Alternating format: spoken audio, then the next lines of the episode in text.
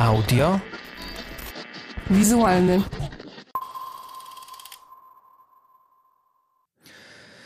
Szanowni Państwo, Lidia Tar nie żyje. Taką informację zobaczyliśmy w różnych miejscach w internecie dzień po ceremonii rozdania Oscarów w Dolby Theatre w Los Angeles.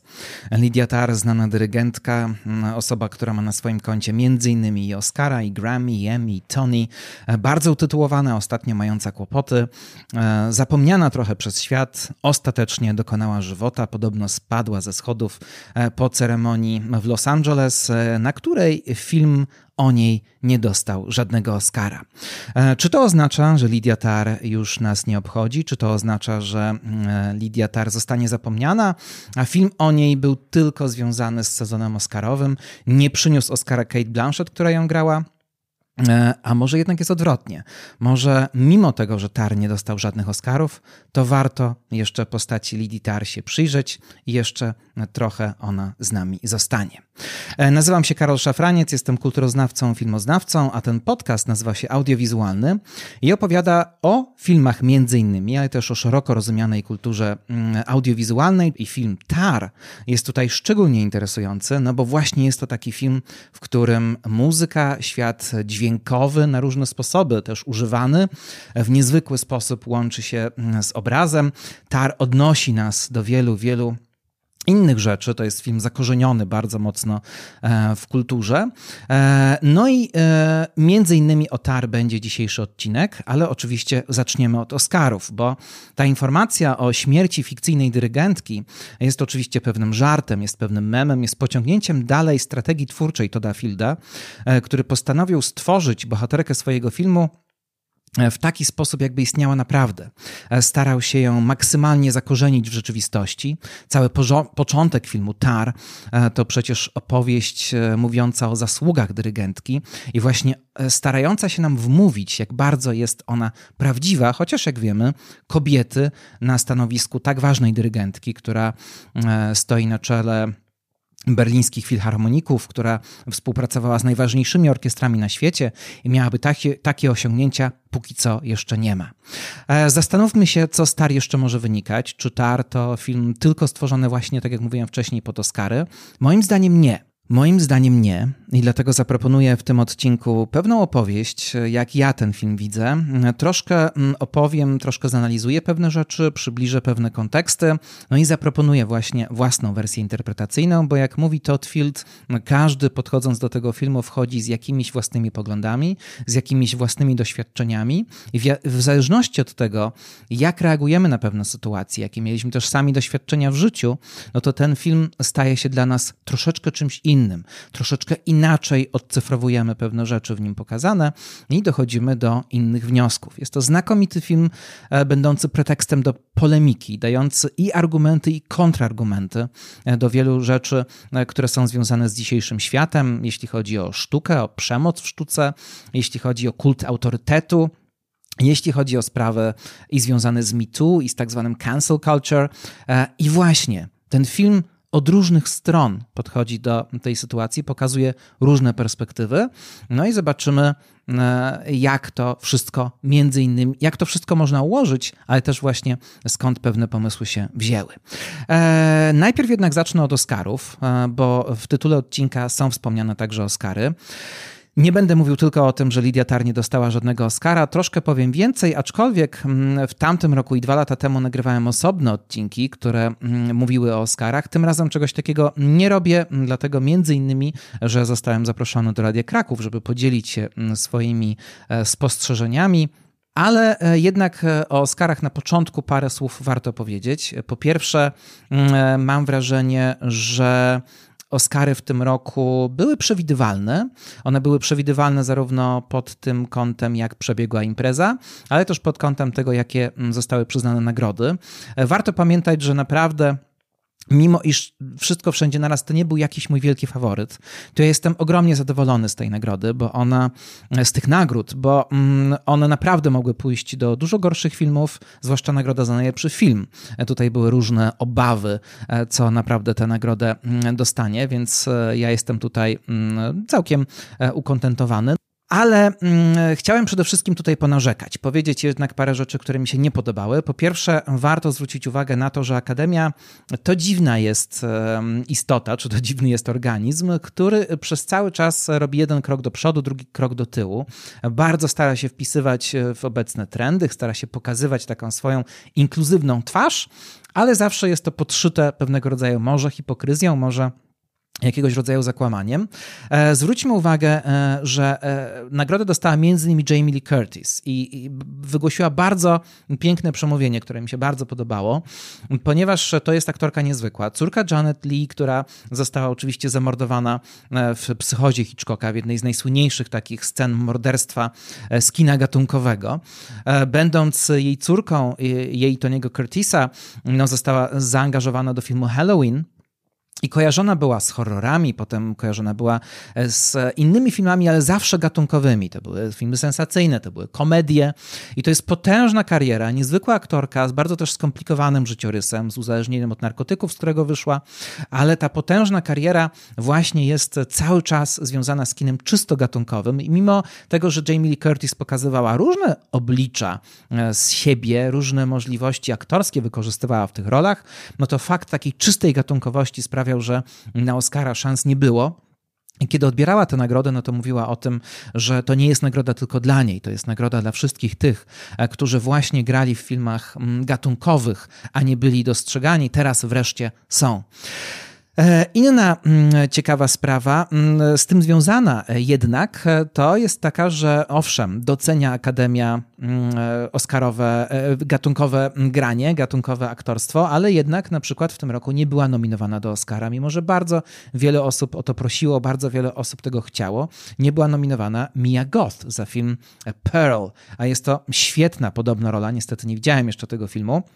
Ale e, już wiemy również, że wcześniejsza część X była znakomita, Mia Goth pokazuje się od znakomitej strony, a więc wciąż jednak takie czysto gatunkowe aktorstwo w jakiś sposób jest pomijane, nawet jeśli mamy tak niezwykłą rolę, która jest tak chwalona przez prasę i przez e, krytyków. E, natomiast jeśli chodzi o otwarcie się mm, Oscarów na inne narody, na międzynarodową kulturę, że nie jest już to tak stricte amerykańska nagroda. Paul Schroeder trochę u siebie na Facebooku narzekał, że przecież Brytyjczycy mają swoje nagrody, e, Francuzi mają swoje, dlaczego po prostu Oscary nie mogą nagradzać kina amerykańskiego przede wszystkim, e, no bo przecież takie są źródła tej nagrody. Z jednej strony Schroeder jakby jest tutaj troszkę ignorancki wobec tego, jakie znaczenie amerykańska kultura ma dla świata, w jakim sensie kultura amerykańska jest międzynarodową kulturą także, i Oscary mają znaczenie większe niż jednak tylko amerykańskie. E, natomiast ciekawe jest to, że no owszem, na Zachodzie bez zmian, no poza tym, że pokonało nasze IO, dostało też deszcz nagród w innych kategoriach, e, chociażby w kategorii najlepsze zdjęcia e, czy najlepsza muzyka. No ale zwróćmy uwagę, że jest to film finansowany w dużym stopniu przez Netflixa. Netflix jest dystrybutorem tego filmu, Netflix ma do niego prawa. Wobec tego, owszem, jest to nagroda na pewno dla niemieckiej kinematografii, w sensie, że nagradza się niemieckich artystów, ale z drugiej strony Mm, cały czas jakby zabezpieczone są amerykańskie interesy, bo, Netflix, y, bo Akademia nagradza e, film amerykańskiej korporacji, e, czyli nagradza wciąż amerykański przemysł, amerykański e, biznes. No i to też jest bardzo ciekawe, kiedy myślimy o tym w ten sposób, że Netflix ma tutaj pewien handicap i filmy przez niego produkowane być może są jakimś rodzajem nieuczciwej konkurencji, jeśli mówimy o filmach, które nie są anglojęzyczne i dlatego był taki bardzo tym wszystkim zmartwiony e, Jerzy Skolimowski. Dobrze. E, to jest mój, mój komentarz do Oscarów. Natomiast teraz przechodzimy do filmu Tar. Jest na pewno bardzo ciekawym pytaniem, czy ten film będzie miał jeszcze jakieś znaczenie, czy jak to się mówi czasami, jest to jeszcze dzieło relevantne. Niektórzy twierdzą, przeciwnicy tego filmu, że w zasadzie jest to dzieło bardzo sprytnie wypromowane przez Focus Features, służące temu, żeby jak najbardziej przyciągnąć uwagę do niezwykłej roli Kate Blanchett i żeby ona tego Oscara dostała i żeby ten Oscar potem promował jakby e, dalej ten film że to była taka główny, taki główny cel, jeśli chodzi o promocję tego filmu. Niektórzy widzą e, w filmie Tar taki tradycyjny, w starym stylu Oscar baitowy, e, Oscar baitową produkcję, e, czyli średnio, średni, średni budżet, gwiazdorska obsada, ważny temat, a dzieło mające pewne cechy kina artystycznego, ale nie na tyle radykalne w swojej formie, żeby odtrącało publiczność mainstreamową. Na temat tego ostatniego, tej ostatniej kwestii można by dyskutować, bo jednak dla niektórych Tar, jeśli chodzi i o temat, który wydaje się bardzo ezoteryczny, dyrygentura, orkiestra, e, świat muzyki poważnej e, i również forma tego filmu, bardzo jednak oryginalna, mimo tego, że nie jest to kino, e, nie wiem, to nie jest slow cinema, to nie jest radykalne kino europejskie, to jednak dla niektórych jest nie do przejścia i jest to film wykraczający troszkę poza taką sztampę kina środka, które znamy z Hollywood i z Oscarowych rywalizacji.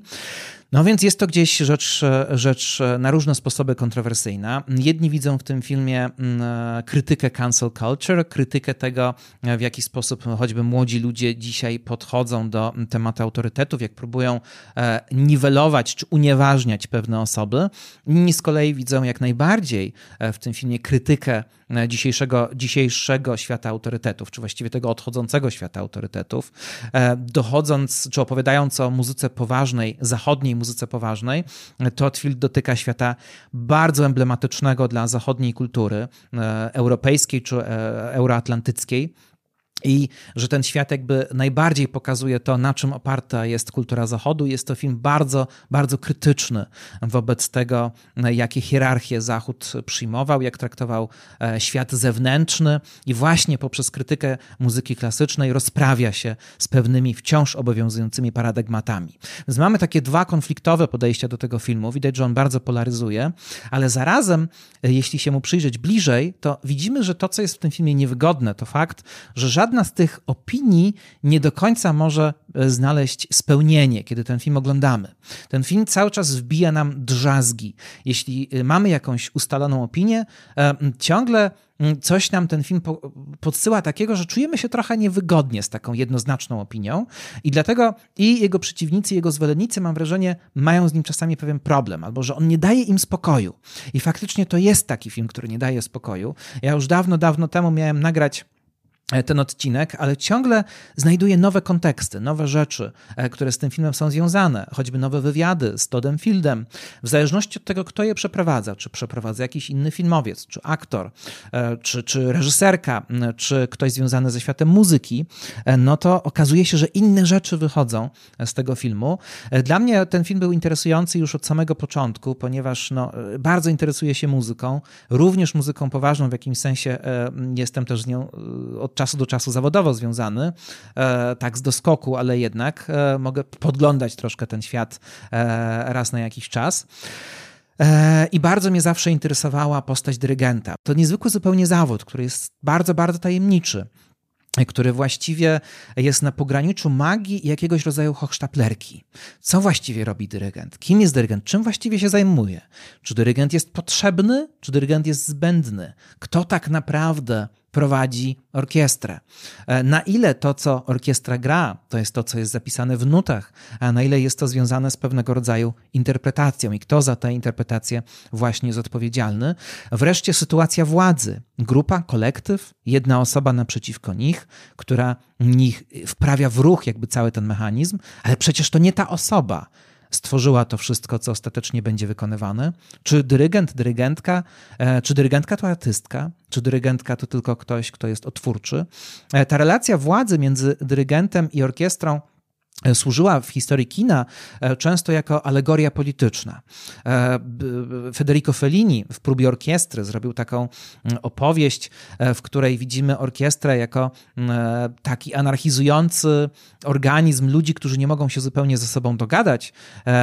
Dyrygent zupełnie nie potrafi nad nimi zapanować, a kiedy przychodzi pewien rodzaj abstrakcyjnego, bardzo surrealistycznego zagrożenia, no to wtedy nagle wszyscy się podporządkowują dy, dyrygentura i tutaj, na przykład w dyrygencie Andrzeja Wajdy, który też jest w dużym stopniu alegorią polityczną, Niestety, z mojej perspektywy przynajmniej, bo wiem, że są inne zdania na ten temat, dyrygentura w obu tych filmach, e, chociaż są zupełnie inne i inaczej podchodzą do jakby do, do, do też realności tego zawodu i sposobu, w jaki tę realność pokazują, to mm, zazwyczaj ta dyrygentura jest pokazywana jako właśnie coś pretekstowego, coś, co samo w sobie nie ma znaczenia, natomiast idealnie nadaje się na pewien rodzaj alegorii czy pewien rodzaj metafory. E, mamy film Isztwana Sobo, zwłaszcza film o Wilhelmie Furtwanglerze, który oczywiście opowiada o E, tym, jak bardzo ten dyrygent, słynny dyrygent niemiecki, legendarny dyrygent niemiecki, ale w jakimś sensie umoczony w nazizm, działający w tamtym czasie. W ogóle osoby ze świata muzyki poważnej e, były bardzo umoczone e, w kwestie nazistowskie. Niektórzy uciekli, niektórzy zostali i potem różnie interpretowano ich podejście do tamtego reżimu. Mamy tutaj do czynienia właśnie z seniorem Furtwanglerem, do którego jakby przy... taka łatka się przykleiła, że był to nazistowski dyrygent. Mamy Herberta von Karajana, młodszego, e, który często zachowywał się dużo bardziej konformistycznie, ale jednak e, jakby udało mu się być zaakceptowanym przez świat i stać się wielkim mistrzem, mimo tej skomplikowanej przeszłości. Mamy też kompozytora Ryszarda Straussa, który, e, którego działalność w tamtym czasie e, również w jakimś sensie była pod, poddana pewnym kontrowersjom, choć ostatecznie został ze wszystkiego oczyszczony i nie uważa się go za człowieka, który by w jakiś sposób współpracował z reżimem. No ale też ta miłość nazistów, miłość Hitlera do muzyki poważnej dodaje tutaj bardzo ciekawego, ciekawego aspektu. No i kwestia rozliczania osób związanych z muzyką poważną, między innymi tych dwóch dyrygentów, Furtwanglera i Karajana, Pojawia się również w filmie, pojawia się pewien dialog między Tar i jej starym mistrzem. Mówią wtedy o tym, e, ten stary mistrz, Davis, mówi o tym, jak e, Furtwängler wspominając o Furtwanglerze i Karajanie, e, właściwie mówi o tym, że właśnie jeden z nich w jakiś sposób e, tak zagrał z, z publicznością, tak zagrał z światem zewnętrznym, że oczyszczono go, a drugiego nie i to wszystko jest kwestią przypadku, chociaż być może to Furtwangler było wiele bardziej um, osobą um, godną tego, żeby go oczyścić niż Karajan. Do dzisiaj są takie kontrowersje. Fakt, że um, film to Da Filda daje nam tak e, wiele do myślenia. Z pewnością jest to związane z tym, skąd właściwie ten film się wziął. I chciałbym tutaj troszkę opowiedzieć o pewnych kontekstach, które nie zawsze są e, jasne i niewiele się e, o części z nich mówiło też w polskich mediach. Bardzo wiele właśnie miejsca było poświęcone roli Kate Blanchett, że, mm, tu jeszcze raz powtórzę, nauczyła się znowu grać na fortepianie, nauczyła się niemieckiego, nauczyła się dyrygować przynajmniej pewne fragmenty, części um, z piątej symfonii Malera, która tutaj jest tym najważniejszym najważniejszym dziełem wykonywanym przez berlińską orkiestrę, którą tak naprawdę gra orkiestra drezdeńska. Z prawdziwą dyrygentką Kate Blanchett miała zajęcia i naprawdę się tego uczyła, e, ale właśnie o Kate Blanchett bardzo wiele powiedziano, natomiast ja bym się chciał skupić na innych osobach, które w tym filmie e, są i dzięki którym ten film wygląda tak, jak wygląda. Bo zwróćmy uwagę na to, że film zaczyna się od bardzo długiej sceny napisów, a więc chodzi o to, że Todd Field próbuje troszeczkę zdekonstruować tradycyjne hierarchie filmowe, chce nam pokazać, jak wiele osób jest zaangażowanych w tworzenie kina e, i troszkę zerwać z taką zasadą wielkiego mistrza, ale z drugiej strony na końcu również są napisy, również są bardzo długie, czyli pewne rzeczy trafiły do napisów na początku, inne rzeczy trafiły do napisów na końcu. E, i ten film ma taką symetryczną budowę. I to jest dla niego bardzo charakterystyczne, bo mm, konstrukcja, struktura scenariusza TAR działa troszkę w ten sposób, e, że mamy intrygę, mm, którą tworzy TAR, z drugiej strony mamy intrygę, e, którą świat tworzy wobec tar. One w jakiś sposób się ze sobą przenikają, czyli film jakby oglądany od przodu i od tyłu e, będzie nam troszkę opowiadał o czymś innym. I tak jak tytuł, e, sam tytuł, to nazwisko tar, e, które jest egzotyczne, które jest mocne i które jest marką samą w sobie, e, to jakby e, niesie ze sobą już takie znaczenie, ale czytane od tyłu to oczywiście rat, szczur. I to nam pokazuje, że ta sama osoba może być kimś niezwykłym, kimś bardzo charyzmatycznym, ale może być też kimś bardzo niefajnym. I ta podwójność jest, do, jest też e, jakby widoczna w tym, jak ten film jest tworzony i w jaki sposób ten film opowiada nam swoją historię. I ta rola reżysera tutaj, reżysera i scenarzysty, też jest bardzo dwuznaczna, bo właśnie e, Todd Field ustępuje miejsca innym, pokazuje nam, zwraca uwagę na kolaboratywność procesu tworzenia kina, no ale z drugiej strony jednak jest tym reżyserem i scenarzystą, jednak w dużym stopniu ten film musiał być tworzony według jego koncepcji. I chcę zacząć od Toda Fielda, e, dlatego że być może nie wszyscy znają tę postać. Nie będę za bardzo mówił wiele o jego poprzednich filmach. Zrobił dwa. E, In the Bedroom 2001 rok i Little Children. Znakomite, bardzo ciekawe, nieoczywiste kino, które pokazuje, że Todd Field robi takie mm, właśnie dzieła mm, dotykające współczesnych tematów, dotykające trudnych tematów. Little Children dotykał pedofilii, czyli tematów budzących wielkie emocje, ale próbuje jakby do tych tematów podchodzić właśnie w sposób pozbawiony troszkę tych wielkich emocji, w taki sposób raczej analityczno-hipotetyczny. Postawić się z boku i przyjrzeć się pewnemu problemowi w taki sposób, żebyśmy my dostrzegli całą złożoność sytuacji. Field stawia, to jest dzisiaj chyba bardzo niemodne, na takie kino spekulatywne. Na kino, które mówi, co by było gdyby, zostawmy na chwilę nasze emocje, Zastanówmy się, pomyślmy, co by było gdyby i co właściwie myślimy o tych sytuacjach, bo sztuka, tekst kultury daje nam pewien rodzaj bezpieczeństwa. Nie musimy od razu wychodzić ze swoimi ocenami, ale możemy właśnie pomyśleć, możemy zobaczyć złożoność sytuacji. I jednocześnie Field w swoich filmach, tak było też w Małych Dzieciach, z tego co pamiętam, bo dawno ten film widziałem, ale że właśnie ten film uderzył mnie już wtedy e, sposobem, w jaki nie daje łatwych odpowiedzi, w jaki prosi również widza, żeby zaangażował się w ten proces wspólnego rozwiązywania problemów, wspólnego zastanawiania się. A więc Field z jednej strony bardzo precyzyjny reżyser, bardzo ciekawie obmyślający swoje filmy, ale z drugiej strony to nie jest rodzaj mistrza, który mówi: tak masz myśleć, tak jest, a tak nie jest, tylko słuchaj, ja zastanówmy się, tu jest tak, i co my właściwie o tym wszystkim myślimy. Jeszcze do tego wrócę, bo dosłownie tak wyglądał właśnie pewien, e, pewien e, fragment przygotowywania filmu Tar. Urodzony w 1964 roku, Field jest człowiekiem bardzo wielu talentów. I teraz proszę sobie wyobrazić, wyobraźcie sobie, ci, którzy troszkę znacie kino, pomyślmy, jak myślimy Todd Field, to jaki obraz przychodzi nam przede wszystkim do głowy? Mnie przychodzi do głowy, i nie tylko mnie, e, obraz pianisty z oczu szeroko zamkniętych, bo tam właśnie grał e, Todd Field. To on był tym pianistą, który na początku jakby e, wkręca Toma Cruza w imprezę na Wielkiego Towarzystwa, a potem tam z zawiązanymi oczami gra na instrumentach klawiszowych. I to jest bardzo ciekawe, ponieważ ten obrazek już nam wiele mówi o tym, kim Todd Field właściwie jest i otwiera przed nami aż trzy zajęcia, z którymi e, jego osoba jest związana. Todd Field muzyk, on zaczynał e, swoją karierę artystyczną, jeśli można tak powiedzieć, właśnie od muzyki. Przez długi czas myślał, że będzie muzykiem jazzowym. Świat klasyki jest mu obcy. Świat klasyki e, przez długi czas no, był obcy. On go nie znał. On znał świat jazzu. Grał na puzonie, grał na fortepianie. E, podczas swoich big bandowych przygód poznawał muzyków, którzy później, z jego pokolenia, którzy później stali się bardzo znan, znanymi muzykami. I takim jego przyjacielem do dzisiaj jest trębacz Chris Botti, e, którego możemy znać na początku z takich troszkę Milesowo-Davisowskich, lekko awangardowych eksperymentów z gitarzystą Davidem Tornem czy z muzykami King Crimson. Potem Botti e, zaczął grać muzykę taką bardziej przyjemną, wchodzącą też w pop, no i między innymi współpracował ze Stingiem. A więc e, e, Todd Field naprawdę pochodzi z takiego e, świata muzycznego na wysokim poziomie i naprawdę jemu się też wydawało, że jako puzonista będzie osiągał, będzie robił karierę. Ostatecznie z tego nic nie wyszło, ale ta miłość do muzyki w nim została i fakt, że jest pianistą w oczach szeroko zamkniętych ma tutaj ogromne znaczenie.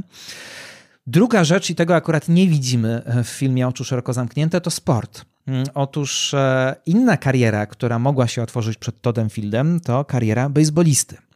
E, Todd Field jako młody chłopak grał w niezależnej lidze baseballa e, i grał w takie, ta, ta liga stworzona była przez ojca Kerta Russella. E, stąd Field poznał i Kurta Russella, jego ojca, no i wydawało się właśnie, że bycie sportowcem to może to, co będzie mu pisane. Ostatecznie również z tego nic nie wyszło, no ale już tutaj poznawał świat Hollywoodu, poznał właśnie młodego Kurta Russella, starszego od niego, ale no ale jednak. E, I e, wydawało się, że faktycznie aktorstwo będzie tym, co Toda Fielda pociągnie. Został zaangażowany m.in. do roli w Złotych Czasach Radia Woody'ego Allena, grywał w różnych filmach, no i właśnie grał też u Stanleya Kubricka, ale okazało się, że w swojej karierze też m.in. był kinooperatorem. E, czyli e, puszczał filmy w różnych miejscach. I to bycie kinooperatorem, dorabianie sobie w ten sposób, e, zarazem był też mężem jest do dzisiaj Sereny Rathbun, czyli kostiumografki, scenografki, dekoratorki wnętrz. I myślę, że to wyczucie do kostiumu, do dekoracji wnętrz jest też widoczne w filmie Tar. E, no to, e, to również miało znaczenie. Mm, natomiast e, bycie aktorem właśnie i bycie kinooperatorem sprawiły, że on zaczął się bliżej przyglądać kinu jako sposobu na, na jakąś autoekspresję, na to, że można za pomocą kina coś powiedzieć, że można być może samemu spróbować. Poszedł na studia reżyserskie. Tam między innymi współpracował z Rogerem Cormanem jeszcze. Pracował przy e, e, produkcjach Cormana. To jest niezwykłe, że to jeszcze jest reżyser e, cały czas w tej linii wielkich postaci amerykańskiej kinematografii, która gdzieś na swoim, mm, w, swoim, w swoim życiu, na którymś etapie życiowym z Cormanem się zetknęła. Między innymi bardzo ciekawie o tym opowiada Todd Field w podcaście Marka Marona, o tej całej swojej karierze. No i wreszcie trafia między innymi na plan Oczu, oczu szeroko zamkniętych i tam poznaje Stanleya Kubricka, E, tam poznaje Toma Cruza, czyli postaci oczywiście bardzo wysoko postawione w Hollywood, zupełnie inaczej postawione, ale bardzo wysoko.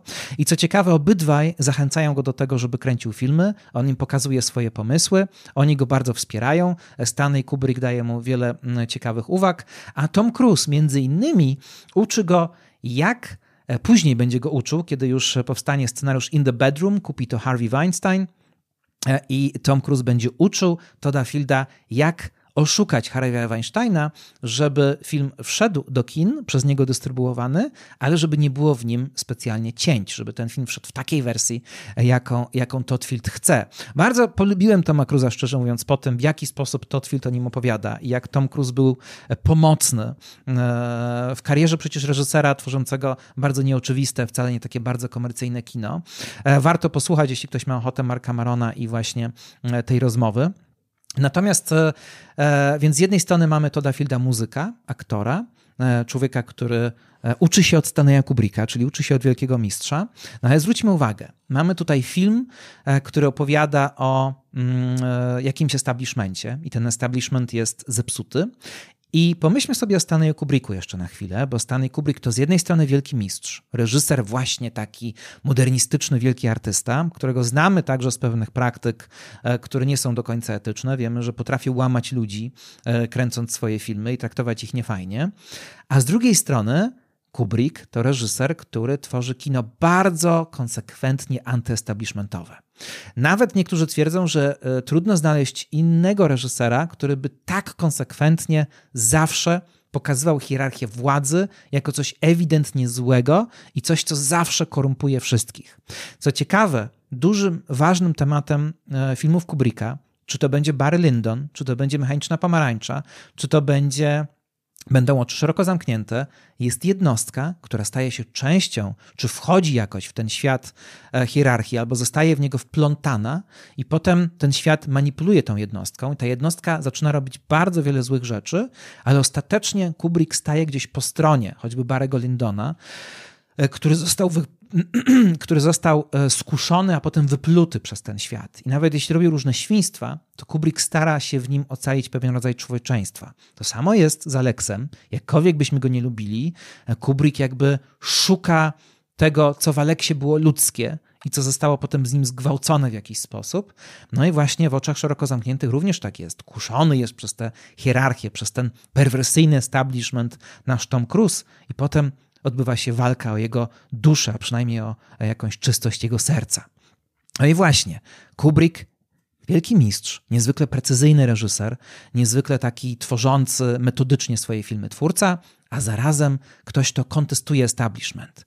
I w tym wszystkim rodzi się właśnie Todd Field, artysta.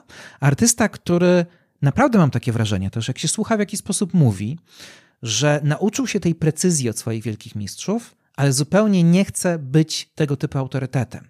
E, Totfield jest człowiekiem takim bardzo skromnym, bardzo żyjącym gdzieś z boku, patrzącym z boku na pewne rzeczy i właśnie nauczył się e, Wiem, że się powtarzam, ale to ważne. Nauczył się od tych swoich mistrzów pewnych sposobów tworzenia mm, dzieła kultury, ale właśnie proponuje inną pozycję siebie w tym świecie.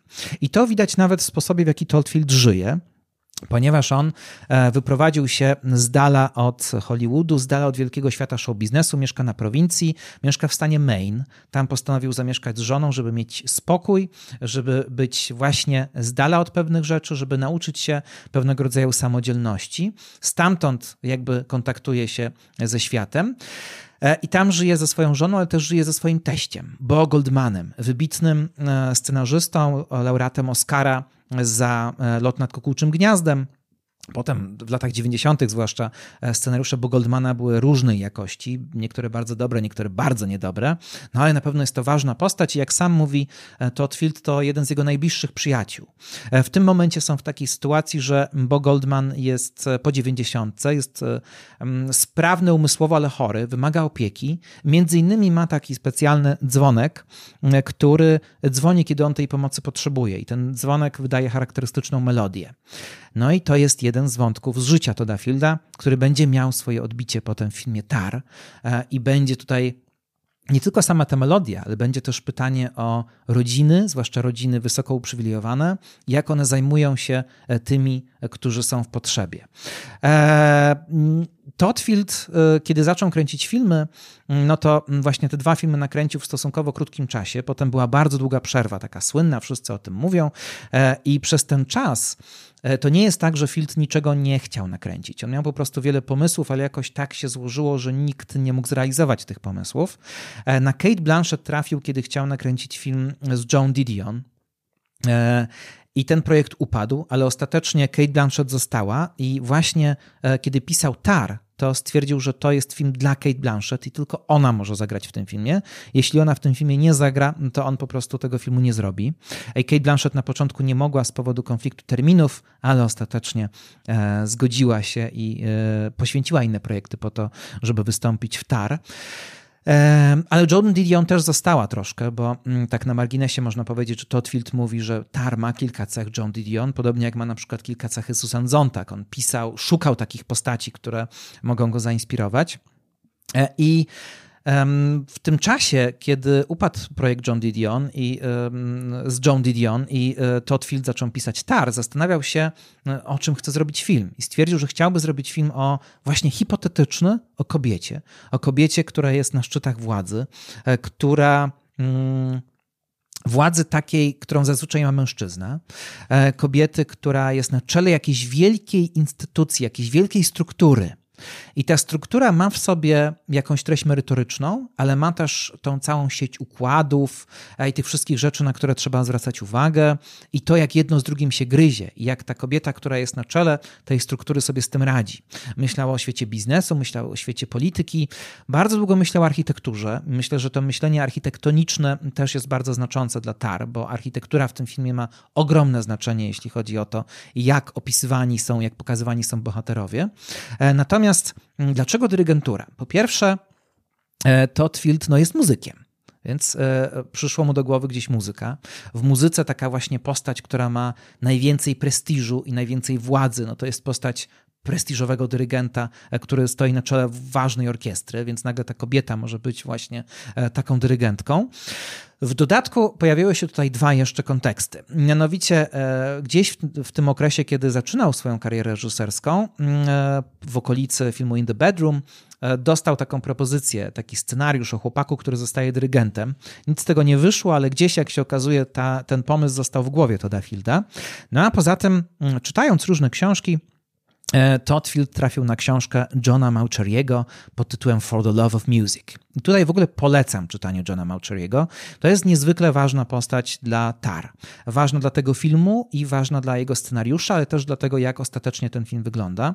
E, John Maucheri to dyrygent, dyrygent bardzo popularny w Hollywood, e, który dyryguje taką no, prawdziwą muzykę poważną, że tak powiem, a zarazem jakby udziela się w różnych imprezach hollywoodzkich w Los Angeles i jest wielkim popularyzatorem muzyki poważnej. Książka For the Love of Music e, to taka opowieść dla tych, którzy nie, nie mają kontaktu na co dzień z muzyką poważną, e, która troszkę nas uczy tej muzyki słuchać, na co zwracać uwagę, jak ona powstaje, jak potem, jakby prze, jakie tam są przebiegi różne, e, więc to zafascynowało to, zafascynowało to Dafielda i postanowił wtedy po przeczytaniu tej książki, że to będzie właśnie to, że on tym jest e, bardzo, bardzo mm, zainteresowany. E, I kolejna rzecz to, kiedy zapytał wytwórni Focus Features, która przyszła do niego i powiedziała: Słuchaj, nie robiłeś filmu bardzo, bardzo długo, napisz co chcesz i my zrobimy ten twój film. A on wtedy powiedział, ale ja chcę film o dyrygencie. To, to, to nie jest medialny temat. To nic. Zgadzamy się na to. I w ten sposób zostało przykl, przypieczętowane to, że ostatecznie powstaje film właśnie o dyrygentce, że będzie to Tar. I co ciekawe, e, kiedy zapytał, e, kiedy zapytał Todd Field ludzi z Focus Features, e, że chciałby dostać od nich pomoc w postaci jakiegoś konsultanta, kogoś, kto zna świat kina, a jednocześnie zna świat muzyki poważnej i zna te oba światy na tyle, że rozumie, jak e, tłumaczyć jedno na drugie. I oni wtedy powiedzieli, znamy takiego człowieka, John Mauchery. No więc oczywiście jest to taki e, splot wydarzeń, że tu książka Maucheriego, a tu John Mauchery dostępny osobiście, jako e, ktoś, kogo wytwórnia ma jakby na podorędziu, no że to już ewidentnie sprawiło, że warto iść w ten temat i warto w taki sposób go ująć. I tak jak mówiłem, chciałbym opowiedzieć o ludziach, bez których TAR nie wyglądałoby tak, jak wygląda. I pierwszą z tych osób będzie właśnie John Mauchery. E, John Mauchery Poza tym, co już o nim powiedziałem, e, napisał więcej książek. Wcale nie napisał tylko For the Love of Music. Napisał też na przykład książkę Maestros and Their Music, The Art and Alchemy of Conducting. E, to jest książka, o której nie wspomina Todd Field. Nie wiem, czy on ją czytał, czy być może już podczas konsultacji z Johnem Maucherym e, bardzo wiele elementów, które w tej książce się pojawiają, e, Mauchery po prostu Toddowi Fieldowi opowiedział. Dlatego, że jest to książka stricte o zawodzie dyrygenta, napisana znowu w taki sposób popularyzatorski. Ja bardzo tę książkę polecam. Jeśli ktoś kiedyś zastanawiał się w ogóle nad tym, na czym polega zawód dyrygenta, jak wygląda środowisko dyrygentów, to to jest książka, która bardzo profesjonalnie od środka przybliża nam wszystkie aspekty pracy dyrygenta. Robi to w sposób bardzo przyjazny dla mm, e, laików, którzy nie znają się na świecie muzyki, a zarazem, i to jest chyba kluczowe, jest to książka demaskatorska w jakimś sensie. To jest książka, która nie tworzy mitu dyrygenta, próbuje obronić dyrygenta jako postać, która ma znaczenie, jako postać, która właśnie zarządza czasem, zarządza interpretacją, jako ktoś, kto przede wszystkim tworzy interpretację na próbach, ale potem też ma jednak spore znaczenie dla orkiestry. E, no i, i, to jest książka, w której Mauchery też opisuje świat dyrygentury, taki towarzyski świat dyrygentury, jako świat, ja bym powiedział, nie tak daleki od świata hip-hopu. E, hip-hop bardzo jest kompetytywny, bardzo jest związany, e, bardzo w nim jest ważny prestiż, ważny jest w nim to, kto jest lepszy, kto jest gorszy, kto zarobił więcej, kto zarobił mniej. E, w hip-hopie mamy beefy, disy, mm, raperzy ze sobą są w wielkich konfliktach, e, często kupuje się też te w jaki sposób interesuje się mm, płytami hip-hopowymi, także dlatego, żeby wiedzieć, kto komu jak odpowiedział, kto komu jak przywalił. I to jest naprawdę niesamowite, bo z książki Mauchery'ego dość podobny obraz właśnie wyłania się, zwłaszcza świata dyrygentów, czyli tego świata bardzo wysokiego prestiżu, gdzie jest niesamowicie wysoka konkurencja, gdzie tych dyrygentów światowej klasy jest naprawdę niewielu, więc oni się wszyscy ze sobą znają i oni wszyscy prowadzą e, rodzaj e, takiej wojny. Nazywa to Mauchery Dirigentenkrieg, e, czyli takiej właśnie wojny, w której wszyscy gdzieś komentują pozostałych, wszyscy gdzieś w jakiś sposób sposób próbują dogryzać pozostałym. I ten świat bardzo, bardzo silnej kompetencji jest tutaj opisany już na samym, na samym początku. E, I co ciekawe, bardzo wiele anegdotek, które pojawia się w książce Johna Maucheriego, jest przytoczonych w scenariuszu i potem w filmie Tar dosłownie. Niektóre rozmowy, które są między bohaterami, na przykład rozmowy Kate Blanchett właśnie e, z Davisem, czyli z tym jej starym mistrzem, to są niemalże zdanie w zdanie e, wyciągnięte pewne cytaty z tej książki. Natomiast co ważne jeszcze? Otóż John Mauchery, John Mauchery był um, przez wiele lat asystentem Leonarda Bernsteina. Leonard Bernstein jest e, mistrzem tar, oczywiście. To bardzo, bardzo ważna postać dla e, kultury muzyki poważnej w XX wieku, zwłaszcza Ameryce. E, Bernstein był jednym z najwybitniejszych dyrygentów. Słynny był właśnie, słynna była taka jego bardzo mocna rywalizacja z Karajanem. Sporo tych plotek między Karajanem a Bernsteinem jest w książce Maucheriego. I między innymi mm, Maucheri opisuje tutaj taką sytuację, kiedy w ogóle opisuje w tej książce, e, jak wygląda kopia partytury e, tworzona dla danego dyrygenta. To znaczy, że dyrygent dostaje kopię nut danego utworu i potem bardzo pilnuje swojej kopii, ponieważ tam nanosi, nanosi swoje interpretacje, swoje notatki. Czasami troszkę oszukuje, i o tym Mauchery pisze, czyli troszkę zmienia pewne rzeczy w taki sposób, żeby nadać tej partyturze jakiś własny charakter. No i taka kopia partytury danej symfonii na przykład jest e, bardzo cenna, no bo tutaj mamy jakby klucz do myślenia dyrygenta o tym, jak on chce zinterpretować.